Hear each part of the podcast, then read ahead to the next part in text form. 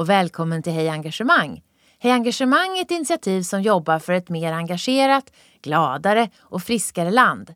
Vi vill att människor ska få möjligheten att jobba med saker de brinner för. Inte för att de måste, utan för att de vill. Tillsammans kan vi skapa bättre förutsättningar för ett ökat välmående och lönsamma prestationer. Med Hej Engagemang får du träffa inspirerande personer som ger tips och insikt i hur du kan nå bättre resultat på jobbet och samtidigt må bättre. Nu kör vi! Välkomna! Jag heter Beata Wickbom och är er programledare. Idag gästas vi av två ledare som tillsammans med sina medarbetare har byggt en organisation och en kultur med supernöjda medarbetare och prisbelönta ledare. Välkomna! Sofie Fransén som är VD på Äventyr och Niklas Ram som är kreativ chef och marknadsansvarig. Tack så mycket! Tack. Tack. Så att vi fattar vad Äventyr jobbar med. När ni möter nya kunder, vad säger ni att ni kan hjälpa dem med? Ja, men vi säger att vi jobbar med starkare upplevelser och smartare kommunikation. Och det gör vi på alla plattformar, live, digitalt och socialt. Och vad det egentligen betyder för oss, det är eh, ja, att vi bland annat eh, via mötet då hittar sätt som ökar både engagemang och lojalitet hos företagets anställda, men också hos deras kunder. Ehm, Ja, vi tydliggör och stärker komplexa företagsbudskap och paketerar det i unika upplevelser. Det är väl vad vi gör. Vi bygger hållbara varumärken helt enkelt. Sofie, när du mötte Niklas och rekryterade honom 2016, hur beskrev du resan han skulle få vara med om på Äventyr? Ja, gjorde jag det egentligen? Ja, det är ju så här att jag startade ju Eventyr 1995 tillsammans med Kristoffer Sköttqvist, en god vän. Eh, och under de här åren fram till då 2016, det är ju en ioner av tid kan man ju tycka, så hade vi byggt ett företag som- med väldigt lojala medarbetare, kunder som återkom och så vidare. Men vi hade varit ganska hemliga och vi insåg att det finns en stor potential kring vad vi kan bygga vidare. Så när jag träffade Niklas då handlade det mycket om att berätta vad vi hade idag och vad vi hade för behov framåt. För jag ville göra en liten omstart, jag ville titta över hur strategierna framåt skulle se ut och då behövde jag ha in starka personer kring det här. Och Niklas är ju otroligt duktig på både att just det här med marknadsföringen och tala om vilka vi är, men också det här koncept och design som vi nu har blivit starkare på när vi sitter här tre år senare, som var en del som han fick bygga. Och i den här vevan så rekryterade jag in ja, flera personer i ledande befattning. Bland annat Nina Jonsson som är byråchef idag som jobbar mycket med struktur och så vidare. Så vi hade en bra grund att stå på. Men vi hade potentialen att bli ännu, ännu bättre. Och det tåget vill jag ha med Niklas på. Men vad var det du lockade honom med? Vad var det du sa att han skulle få vara med om? Nej, men jag tror att det var...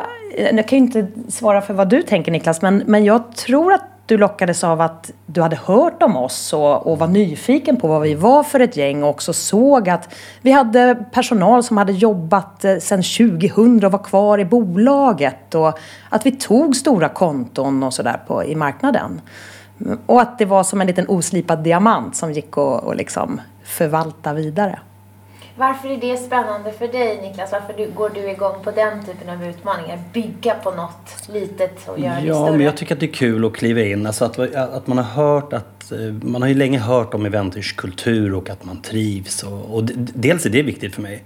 Att gå till en arbetsplats där eh, medarbetarna trivs. Eh, och och det, det är ju verkligen så. Det är supertydligt när man kliver in på Eventers kontor att alla är så happy och nöjda med att vara just på Eventyr. Eh, Men annars, jag, jag såg en potential. Eventyr har gått lite under radarn, alltid gjort bra saker. Men jag såg både en potential i vad, hur byrån skulle kunna växa och bredda sitt eh, erbjudande. Men också såklart att bygga Eventyr som, som brand helt enkelt. Hur ser din vision ut? Eh, ja, men vår vision, vi brukar säga, eller vår vision är att alltid vara Sveriges ledande, ledande byrå. Och att vara en ledande partnerbyrå, det vill säga en byrå som håller kunden i, i handen och leder den framåt i dess utmaningar. Eh, en trygg byråpartner som kunderna kan lita på när omvärlden är hyfsat svårtolkad, som den är nu. Eh, det är ju en hyfsat svår uppgift, men eh, men, eh, men det går. Eh, Jag menar, världen där utanför snurrar ganska snabbt. Men det är också lite en charmen och med med den utmaningen. Ehm, och en viktig roll den senaste tiden det är ju framförallt att lugna alla marknadschefer i den digitala hetsen att, att eh, liksom sortera. De, de, har ju sin FOMO, fear of missing out, att de tror att de måste veta allt och vara med på allt. Men det är ju precis tvärtom. Utan vi, vi är med och sorterar vad som är, vad som är rätt för dem helt enkelt. Eh, och vi, vi? Ja, vad som är viktigt för dem. För allt är ju inte relevant. Så vi sorterar egentligen vad som är... Vi sorterar och rekommenderar helt enkelt. Hur ser ni till att era medarbetare känner engagemang för visionen bli Sveriges ledande byrå? Nej, men att alltid vara Sveriges ledande byrå, det är ju inte, både, det är inte bara externt. Att kunderna hela tiden ska liksom se oss som det självklara valet. Utan det är ju internt också.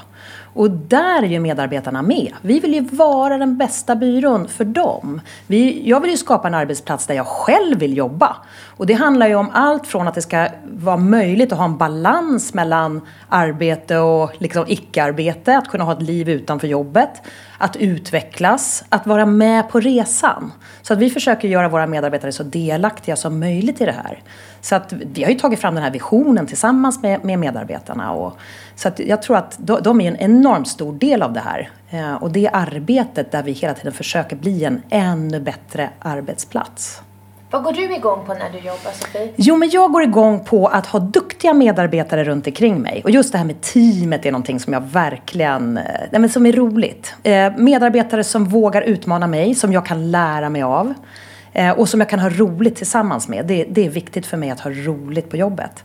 Men sen också i det här arbetet när man jobbar med event. Vi får ju inblick i så många olika företag, så många olika branscher.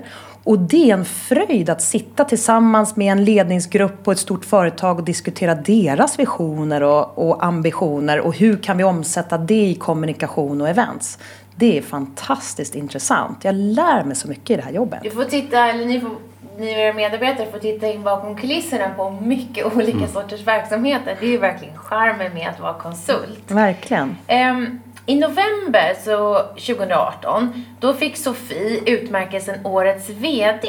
Då frågar jag dig Niklas, vad kännetecknar hennes ledarskap?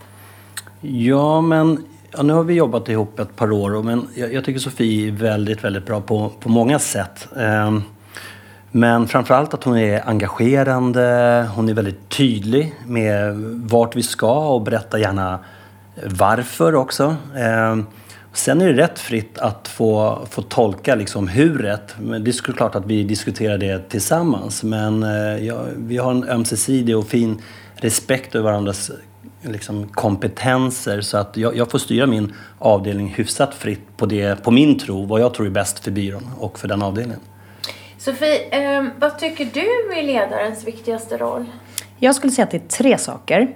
Det första är ju att tala om vart vi ska, alltså kommunikationen och tydligheten. Och där tror jag att man behöver anpassa sig väldigt mycket utifrån vem det är man pratar med. För alla har olika drivkrafter.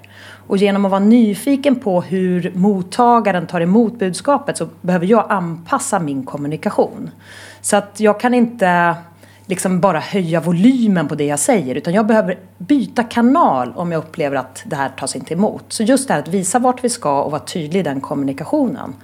Sen det andra, det är ju att ta reda på hur går det här jobbet? I stort och smått.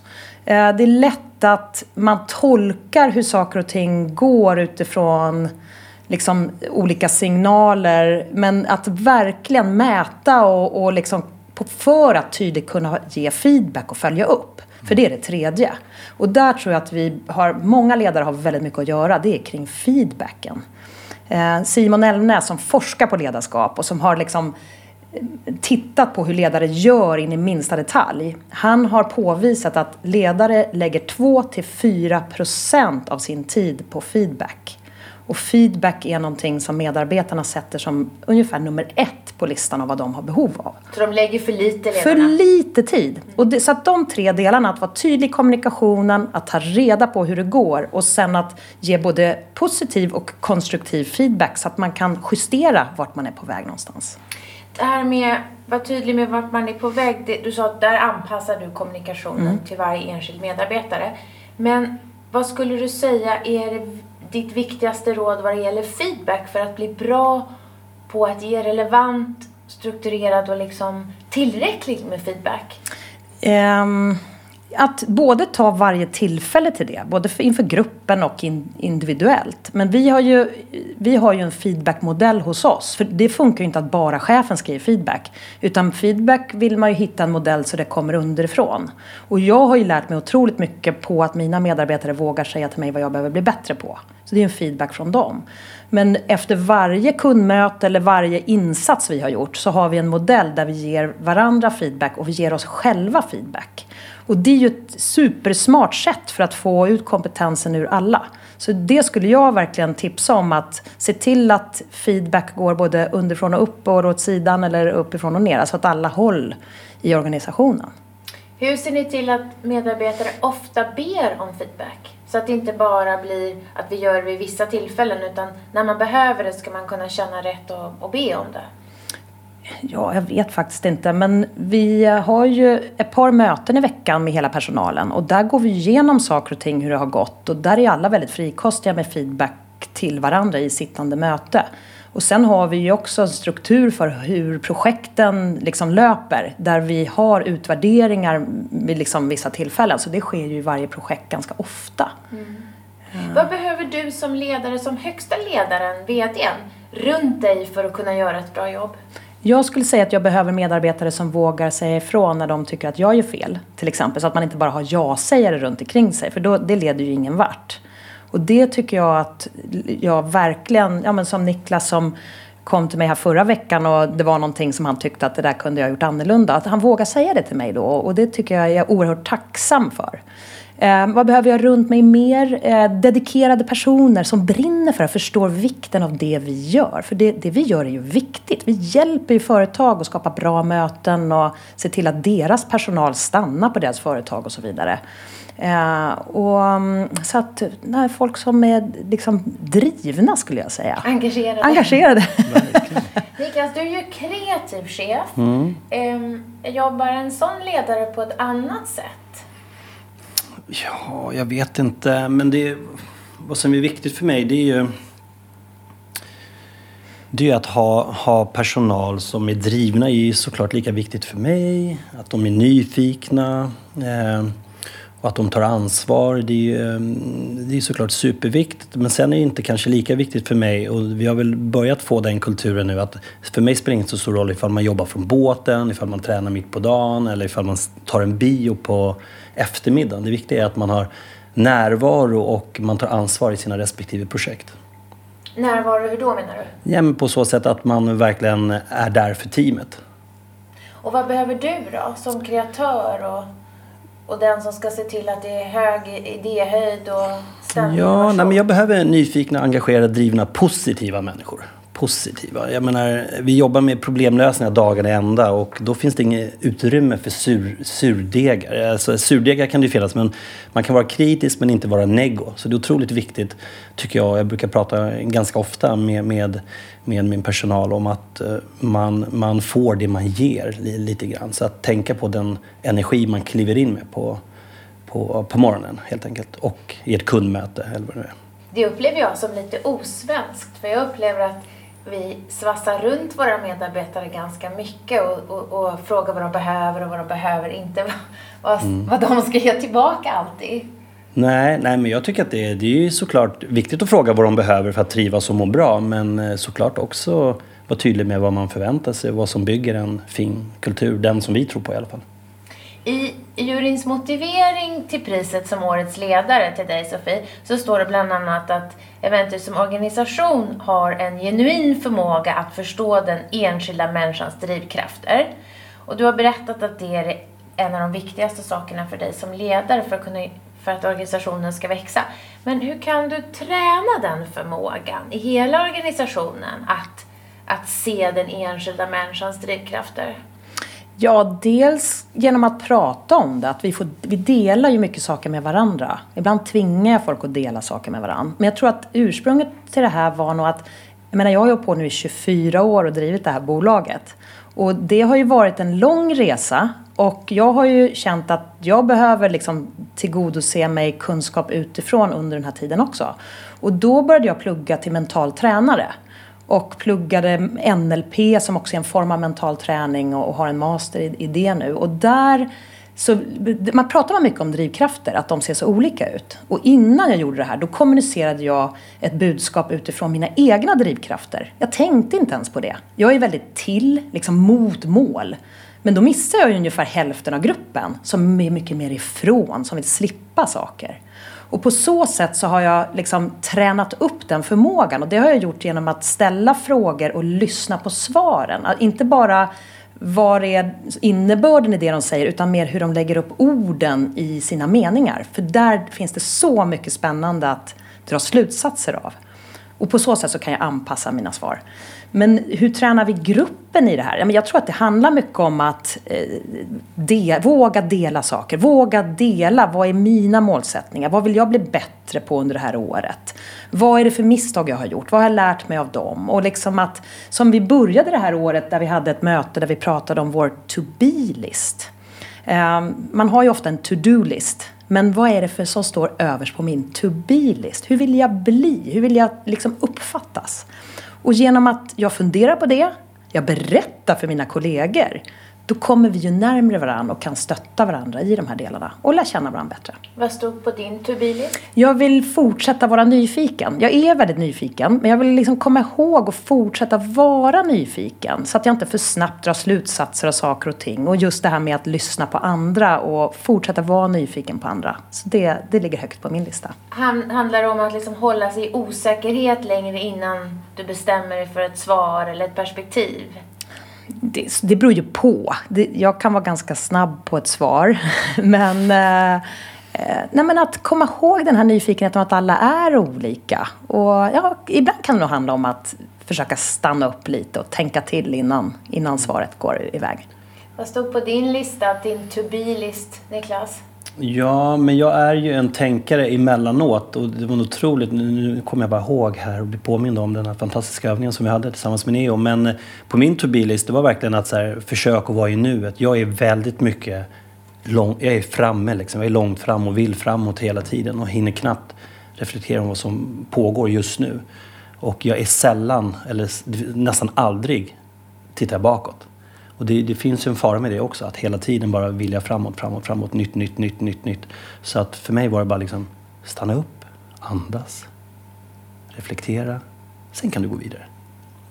Kan du berätta mer Sofie om hur NLP, alltså Neuralistic mm. um, programming. programming. har påverkat ditt ledarskap och att hur det här, den synen på liksom de emotionella kvaliteterna i arbetslivet som vi, jag tycker vi ofta glömmer bort. Vi blir ganska funktionella och lite nästan maskinella. Mm. Kan du berätta någonting mer om hur du jobbar annorlunda idag än när du inte tänkte på de här aspekterna? Jag har ju plockat in delar ur det där på olika sätt. Bland annat så har ju vi en internutbildning, Eventyr Academy. Varje torsdag avsätter vi en timme med hela personalen där vi lär oss olika saker. Och ibland kan jag plocka in någonting från NLP i den timmen. Bland annat det här med drivkrafter, där man gör övningar för... Man ställer en fråga till gruppen och så får liksom varje person då eh, liksom räcka upp handen eller hur man gör för att visa så här är jag. Och så är hälften inte så. Och då blir det liksom en aha för många att okej, okay, alla är inte som jag är. Eh, men sen så har jag plockat in olika eh, liksom, övningar även i projekten. När man startar upp ett projekt. Att NLP kan ju, det handlar om så många olika saker. Men bland annat så handlar det ju om att sätta sig in i att man redan har vunnit sin seger. Eh, redan innan projektet har börjat. Och att där visualisera, hur ser det ut nu? Om jag nu når det här, när jag når det här. Hur ser det ut? Vad är det liksom jag upplever på olika sätt? Och det blir ganska effektfullt för en grupp att sätta sig in i det. Och sen börjar man titta bakåt. Okej, okay, om vi nu är här framme om fyra månader och så tittar vi bakåt. Vad är det som har hänt under den här perioden? Vad är det vi liksom behöver för resurser? Eh, vilka hinder behöver vi liksom överträffa och så vidare. Och då blir det ganska tydligt vad är det vi nu behöver göra framåt för att verkligen nå det där målet som vi vill nå. Så och det är ett exempel. Vässa, hur vi ska vässa våra förmågor. Ja. ja. Um, det här är ju engagemangspodden. Mm. Så jag brukar fråga, vad säger ni om jag säger uttrycket medarbetarengagemang? Oj, eh, men då säger jag det enda. kanske inte det enda, men det viktigaste. Att eh, det är ju liksom ett företags viktigaste valuta. Har man ett stort medarbetarengagemang så kommer prestationen och resultaten och de hållbara resultaten. Så det är superviktigt att ha högt medarbetarengagemang, verkligen. Mäter ni det specifikt, Sofie? Vi, mäter, vi gör ju sådana här eh, medarbetarundersökningar och i dem så är ju engagemang med. Vi mäter också hur kunden upplever att vi är engagerade. Eh, så att ehm, Ja, nej, men det, det, tycker jag att vi gör. Men sen är det klart att engagemang, det kan ju gå i vågor också. Man måste ju få ha den där dåliga dagen med. Och då gäller det att vi lyfter varandra. Så att det är svårt att ligga på topp hela tiden. Utan det, jag menar, det, man får motstånd på olika sätt. Och det måste vi också våga prata om. Så att vi kan hjälpa varandra förbi det. Mm. Det är skillnad på att vi är glada på vår arbetsplats mm. och att vi verkligen känner engagemang för det vi gör, för våra uppdragsgivare. Mm. När det är tider där det blir lägre engagemang. Vad ser ni som ett, vad är de viktigaste sakerna ni som ledare behöver göra då för att höja engagemanget? Jag tror att bottna det tillsammans med personalen. Om, det skulle, om jag skulle uppleva att det var lägre engagemang, det skulle ju vara jätteläskigt och jättejobbigt. Men då gäller det att våga ta den liksom, diskussionen. Att tillsammans med personalen ta reda på vad det beror på. Och jag menar under de här åren, vi har ju haft några så här lite lågkonjunkturer under vår resa. Men jag har inte upplevt att engagemanget har varit lägre. Det har varit tuffare. Det har varit liksom man har inte fått ut sina bonusar och vi, liksom, vi har ju väldigt öppna siffror. Jag vill att personalen ska hela tiden veta hur vi ligger till. För det tror jag skapar engagemang. Men det betyder ju också att när det är en tuffare period så ser man att okej, okay, vi ligger efter den här månaden också. Men jag har inte upplevt att engagemanget har varit lägre. Däremot så har vi liksom tillsammans funderat över hur ska vi nu lösa den här situationen? Hur kan vi kavla upp ärmarna? Hur kan vi göra någonting annorlunda för att lösa det istället?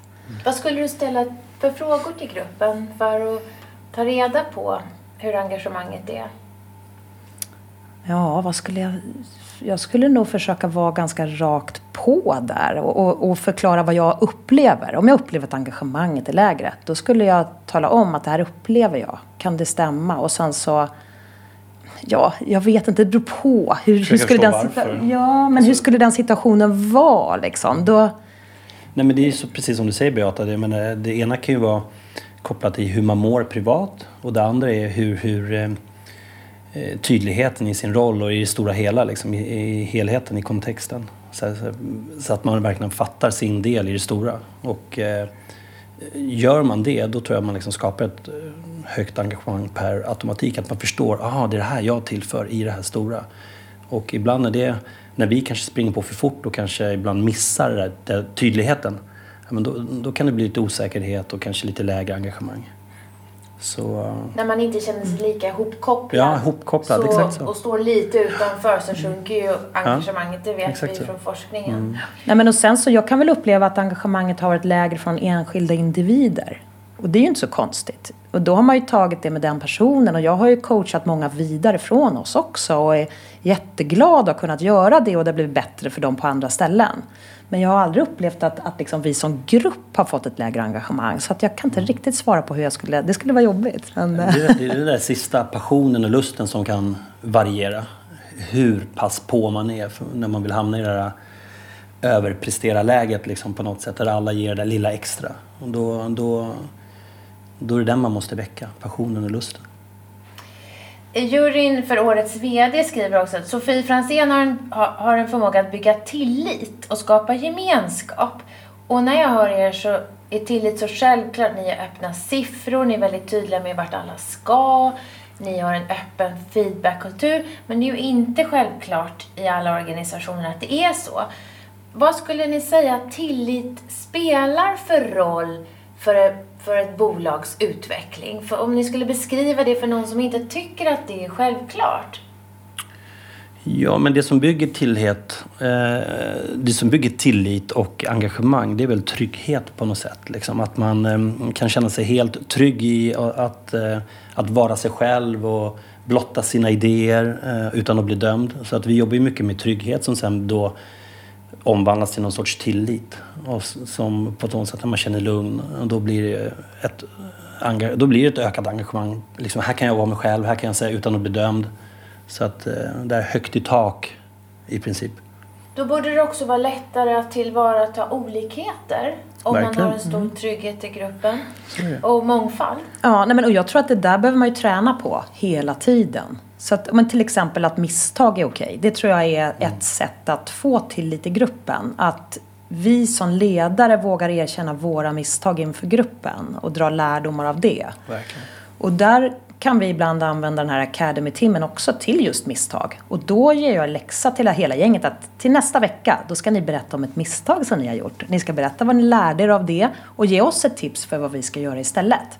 Och vissa tycker det är jättejobbigt, liksom, att ska jag stå här och berätta ett misstag? Men jag börjar och, och liksom drar det största misstaget och då är det lättare att följa efter.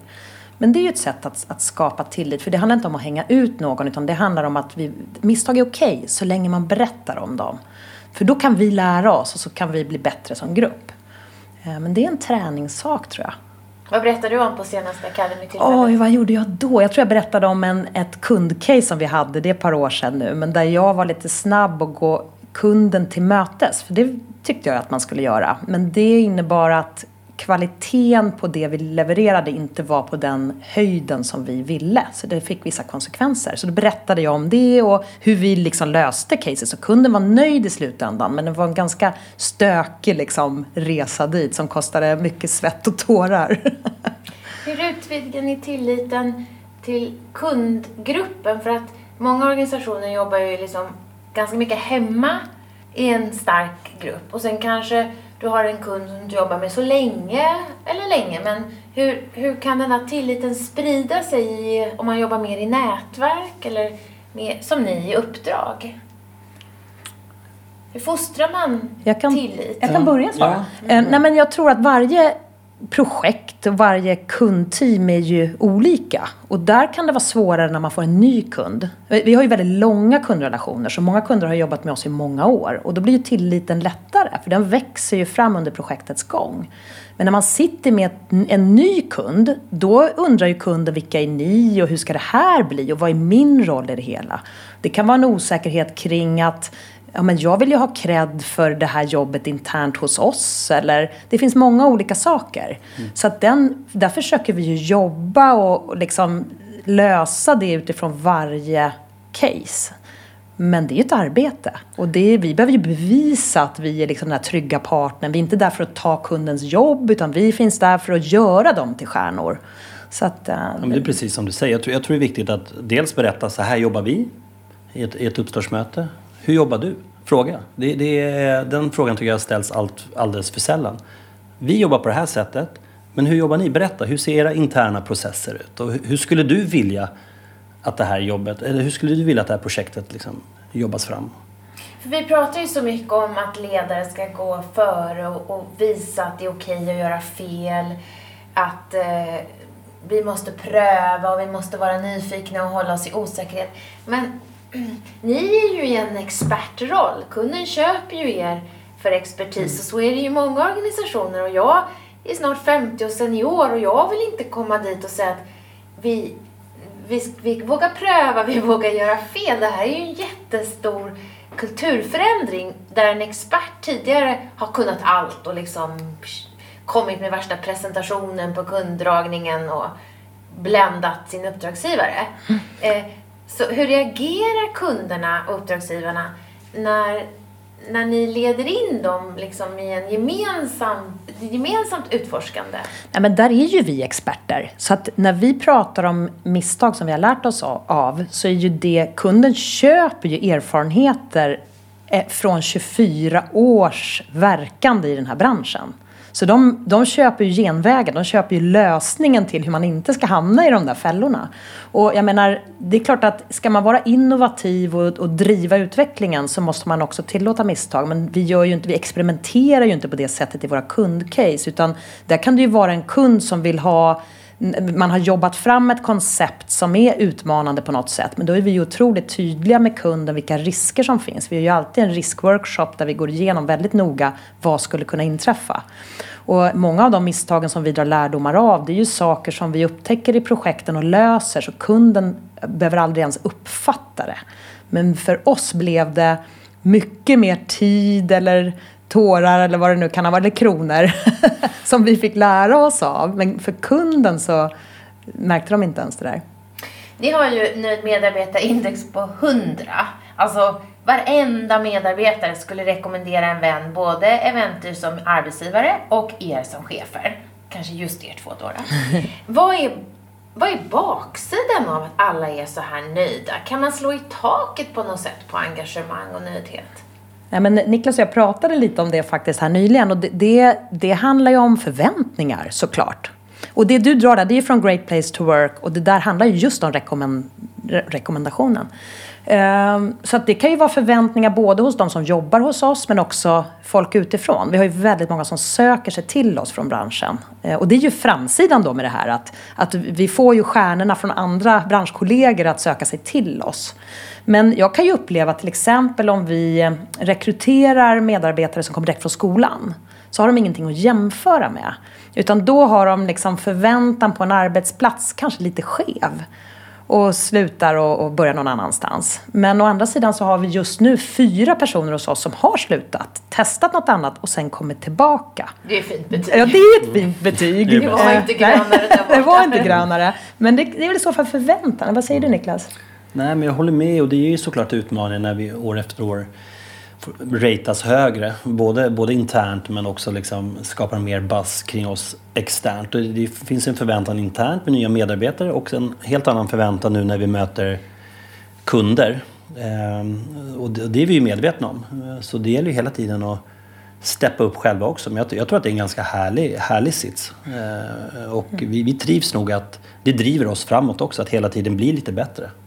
Sen skulle jag säga också att när det handlar om det här med rekommendationen så är det inte så att ja, men för att jag vill jobba med Sofie och Niklas. Utan det, jag tror att det är hela gänget. Vi är 30 stycken och vi har en väldigt tight vi har en bra kultur, vi tri och det har ju alla varit med och tagit fram. Så att det där handlar inte om oss utan det där handlar om hela gänget på Eventyr skulle jag säga. Och, och det vi gör och så vidare. Så att eh, jag tror att de, de betygsätter sig själva lite där kanske. Ni, Eventyr har rankats högst av köparna i den här tävlingen, eller vad man ska säga, som heter Årets byrå 2019, när man frågar kunderna eh, om sina olika eh, om era leveranser. Det, ni har rankats högst när det kommer till kreativitet. Just det. Och många organisationer säger ju att kreativitet är nödvändigt. Mer kreativitet skulle behövas och är nödvändigt för att fortsätta utvecklas. Mm. Och du Niklas som jobbar liksom med att hålla den kreativa nivån. Mm. Vad skulle du säga är grunden i en kreativ arbetskultur? Ja, eh, jag funderade lite på det och grunden är väl, eh, precis som jag var inne på, tillit och trygghet som gör att man känner sig trygg och att man vågar utforska och att man, eh, utforska och att man vågar ifrågasätta. Vi jobbar efter modell, eller jag brukar prata om att ständigt inspirera men också irritera. Eh, och jag tror hårt, att man måste, hårt på att man måste liksom ifrågasätta gamla sanningar hela tiden. Att man är en rumpnisse för en dag eller en fyraåring. Att man liksom bara varför, varför, varför, varför. Och det finns ju inget härligare, än, eller härligare, men mer utmanande men också härligt att invänta det svaret. När man sitter med en hel ledningsgrupp och de berättar om sina förträffligheter och deras kommande liksom, visioner och strategier. Och man avslutar mötet eller med att liksom, aha, varför då? Och då är det extremt få som faktiskt kan säga, ja, då blir de obekväm och kan inte riktigt svara upp på det. Men det är rätt intressant att bara fråga varför, varför, varför, varför. Så, ja. Men trygghet är avgörande? Ja, men trygghet tror jag är helt, det är helt avgörande. Och då är ju ni bara 30 personer. Mm. Men om vi tänker en, så jag tänker att det skulle vara lättare att bygga liksom personliga, utan att behöva vara privata, personliga band till alla kollegor. Vad skulle du mm. säga om det var en större organisation? För det här är ju, kreativitet är någonting som många stora, mm. speciellt hierarkiska organisationer brottas med. Mm. Nej men en tillåtande kultur. Jag, jag, tror inte man som kreativ chef kan gå in och sätta riktning på vad folk ska tycka och tänka och känna och eh, komma fram till. Utan man, man, man får nog omfamna kundutmaningen och tillsammans med, med gruppen tolk, tolka briefen och, och, och sen låta kreatörerna själva komma fram till vilket spår de ska gå på. Så liksom att, eh, eh var trygg i att dina medarbetare är bättre än du själv helt enkelt. Mm.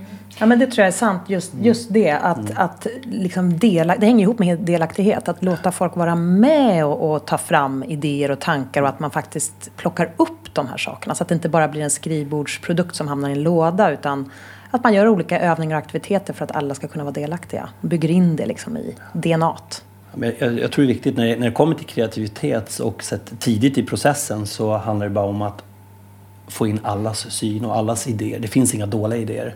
Och det kan komma från vem som helst. Och i större organisationer skulle då nödvändigtvis inte behöva komma från kreatörerna. Det kan ju komma från vaktmästaren.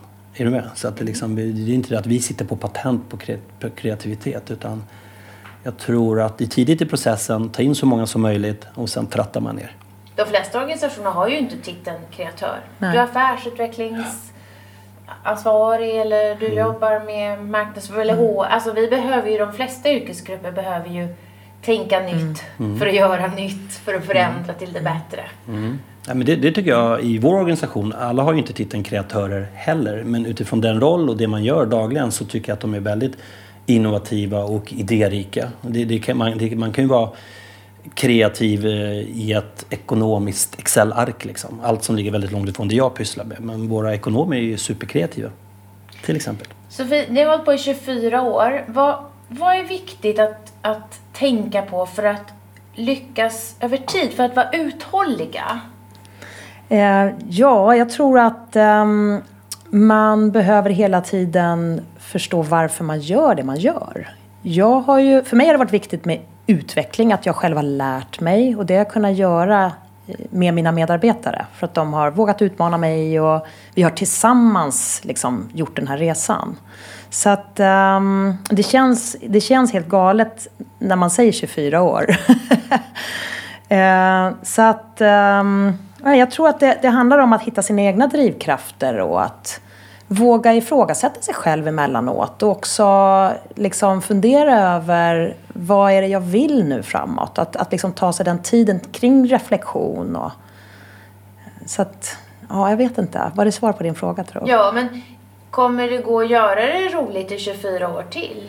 Alltså, ja. är, det, är det så att var sak har sin tid eller Går det att liksom bli bättre och bättre och göra det mer och mer spännande för alla medarbetare och kunder? Nej, men jag tror det. När vi startade bolaget så var, hade vi inte aningen om att det skulle bli så här stort och att vi skulle hålla på så här länge. Utan det var en idé vi hade som vi sjösatte och så trodde vi att det här gör vi ett par år och sen ska vi gå högskola och liksom börja jobba på, bli vuxna på riktigt. Och sen så blev det här så fantastiskt bra. Och den resan har ju sett olika ut under olika perioder. Så att för mig har det ju varit olika jobb. Under de här 24 åren så har jag haft så många olika jobb. Som från vaktmästare som du var inne på, till ekonom, till säljare, till projektledare. Sen blev jag chef. Och liksom, jag har ju lärt mig så otroligt mycket och jag tror att man fortsätter att utmana sig själv genom att ha medarbetare som liksom är duktiga, som man lär sig av. Då kan man absolut göra den här resan 24 år till, verkligen. Men så om du skulle få ett riktigt jobb och bli vuxen, vad tror du du skulle välja då? Oj, vad svårt. Det finns ju mycket. Jag trodde ju så att jag skulle jobba med så DNA-forskning när jag var... Eller skulle jag bli sjökapten, något av de två. Eh, och, och vi sitter ju i ett sjöfartshus, ja. det är en bra början. Något helt annat. Mm. Vad ljuvligt att ha företagets arbetsplats, att det är en båt som alltid är i rörelse. Ja. men jag, tror, jag tror så här också, att för att lyckas över tid, jag menar det är, jag menar, det är otroligt egentligen att, att eh, Eventur har funnits i 24 år. Om man tittar på företagen som liksom, i, vår, i vår bransch. Eh, de är ju mellan kanske runt 10 år, sen brukar de lägga ner av olika anledningar. Men att, att funnits i 24 år och hela tiden eh, refresha sig själv. Det, det, är ju konsten, att hela tiden vara relevant ut mot marknaden. Mm. Och för sig själv. Och för sig själv, ja. såklart. Ett kunskapsföretag som ert är ju i ständigt lärande. Och ni har varit inne på att, att alla vässar sig och så. Men kan ni berätta mer om hur ni säkerställer att ni alltid är har rätt kompetens och, och maxima, maximera er förmåga och hur det mm. kan ske på alla nivåer. Just det, men vi gör ju ett uh, strategiskt arbete där vi tar med hela personalen på och ser liksom, hur ser det ut hos oss. Vad är bra, vad är dåligt, vad behöver vi förändra och vad behöver vi vara måna om att vi ska behålla. Och vart är det vi ska på sikt? Och det sitter ju allt från styrelse till ledningsgrupp och tittar på också. Och sen gör ju vi en strategisk plan som brukar vara på ett par års tid. Där vi tittar på just de här förändringsområdena. Och då kan det ju vara att vi ser att ah, vi saknar den här kompetensen för att vi ska nå dit vi vill. Då behöver ju vi rekrytera och hitta den kompetensen utifrån. Sen så är det ju, vi försöker ju skola in folk också i olika roller. Så att du kanske börjar på en lite juniorare roll hos oss. Och sen så får du växa in i liksom nästa steg och nästa steg. Och på så sätt så eh, ja, får vi den kompetensen som vi önskar. Sen så har vi ju våran Academy som vi pratade om. Att vi lägger rätt mycket tid på. Jag räknade ut hur många timmar det blir på ett år som vi lägger på vår internutbildning. Men det är så mycket värt det. Och där kan ju vi som ledningsgrupp diskutera vad är det vi behöver bli bättre på? Hur kan vi liksom stoppa in det i den här utbildningen? Så det är allt från att det är olika personer internt som håller i någonting eller att vi tar in extern kompetens. Vad säger du om Niklas om det här med hur man säkerställer att ni alltid har rätt förmågor och rätt kompetens? Vad, vad, vad är nyckeln där? Ja, men där måste jag säga att Sofie gör ett jättebra jobb med, eh, med rekryteringar. Eh, och det är klart, vi, vi, vi pratar ju tajt vi i, i ledningsgruppen om vilken typ, vart vi är på väg och vilken, typ, vilken efterfrågan marknaden har och vilken typ av kompetenser som, som vi som byrå skulle må bra utav. Eh, så där, där tycker jag vi har en bra dialog tillsammans. Men Sofie är väldigt duktig på att liksom hitta den rätta personen in på Eventyr. Jag kan ju lista upp fem, sex begåvade personer. Men sen ska den personen också faktiskt funka i vår organisation. Och där, där är Sofie väldigt duktig på att hitta rätt person. Använder ni ny teknologi på något sätt för att stödja lärandet? Vi använder ju ny teknologi mycket i vårt arbetssätt mot kunder. Eh, där vi hjälper till att spela in allt från poddar till AR och VR-lösningar för våra kunder. Men vi har inte skapat... Ja, vi har ju en egen app. Och i den appen så till exempel, vi har ju ganska mycket extra personal. Så när jag säger att vi är 30 personer på kontoret så är vi ju kanske 100 på lönelistan på ett år. Vi har många som jobbar extra för oss, dedikerat för oss, ute på våra eh, events. Eh, och där, de har ju en tillgång till eh, just det här som du pratar om i den här appen. Hur man ska agera i olika situationer eller om det inträffar någonting och så vidare. Så det kanske är ett svar på den frågan. Men i övrigt så är vi ju så pass små fortfarande. Så att det här personliga mötet där vi går igenom saker tycker jag är liksom väldigt effektivt. Sen har vi ett väldigt bra CRM-system där vi sparar liksom best lessons och eh, olika den typen av case. Men vi har inte använt någon speciell ny teknik för, för att göra liksom någon utbildningsserie eller någonting sånt. Vad borde jag mer fråga er om som ni verkligen tycker är intressant att prata om? När det gäller just engagemang. Ja, men du var inne lite på rekrytering där Niklas. Mm. Jag tror att det där är en av mina, liksom, eh, det som jag lägger på mitt bord som VD. Att jag är högst involverad i vår rekrytering. Just för det här med engagemanget. Hur hittar jag de här personerna som verkligen brinner för det vi gör? För jag, jag letar ju efter de som känns och andas äventyr redan innan de har börjat hos oss. Så det, det, skulle kunna vara ett område till, till, exempel. Vad letar du efter då? Eller kan du ge oss tips på hur frågar du för att ta reda på att det här är äkta engagemang? Eh, nej, men jag pratar ju, frågar ju mycket kring drivkrafter. Vad de har gjort tidigare och varför de har gjort så tidigare. Och vad de ser framåt, både på kort och lång sikt. Eh, jag gör alltid en diskanalys på slutkandidaterna. Och det handlar inte om att liksom, en viss profil är bättre än en annan. Men det blir mer relevanta frågor när man kan gå utifrån att den här testen visar att du har de här drivkrafterna och att du har de här stressfaktorerna. Vad kan det betyda? Håller du med om det? Och hur skulle det kunna se ut i en situation hos oss? Så kan man måla upp liksom, specifika eh, bilder av hur det skulle kunna vara. Och då, då får man liksom mer tydliga svar tycker jag. Och jag har gjort om min diskanalys två gånger och visade, visade två helt olika saker. Schizofren! ja, verkligen. Jag blev helt orolig, ro, orolig över mig själv. Ja, men det var kul när, när jag skulle börja på Eventyr så, så fick jag då analysen, eller ja, resultatet på den här diskanalysen. Jag var tvungen att mejla, mejla Sofie. Ja, jag vet inte riktigt om det här stämmer, men jag tror att jag är mer och mer och mer och så här också. det är roligt. Men den, den, den är nog ganska tydlig, och ungefär åt vilket håll du, du är lagd, så att säga. Ni har ju djup och bred kompetens inom kommunikation och bygga starka kommunikationsupplevelser för kunder. Så ni är ju verkligen proffs på det ni gör. Men om ni fick eh, gå på, tid att gå på djupet och utveckla er liksom inom ett nytt område eller en ny kompetens, vad skulle det vara? Ja, oj, det är så mycket jag skulle vilja lära mig. Utanför vår business eller? Eller får vi Jag kan svara välja fritt? vad som helst.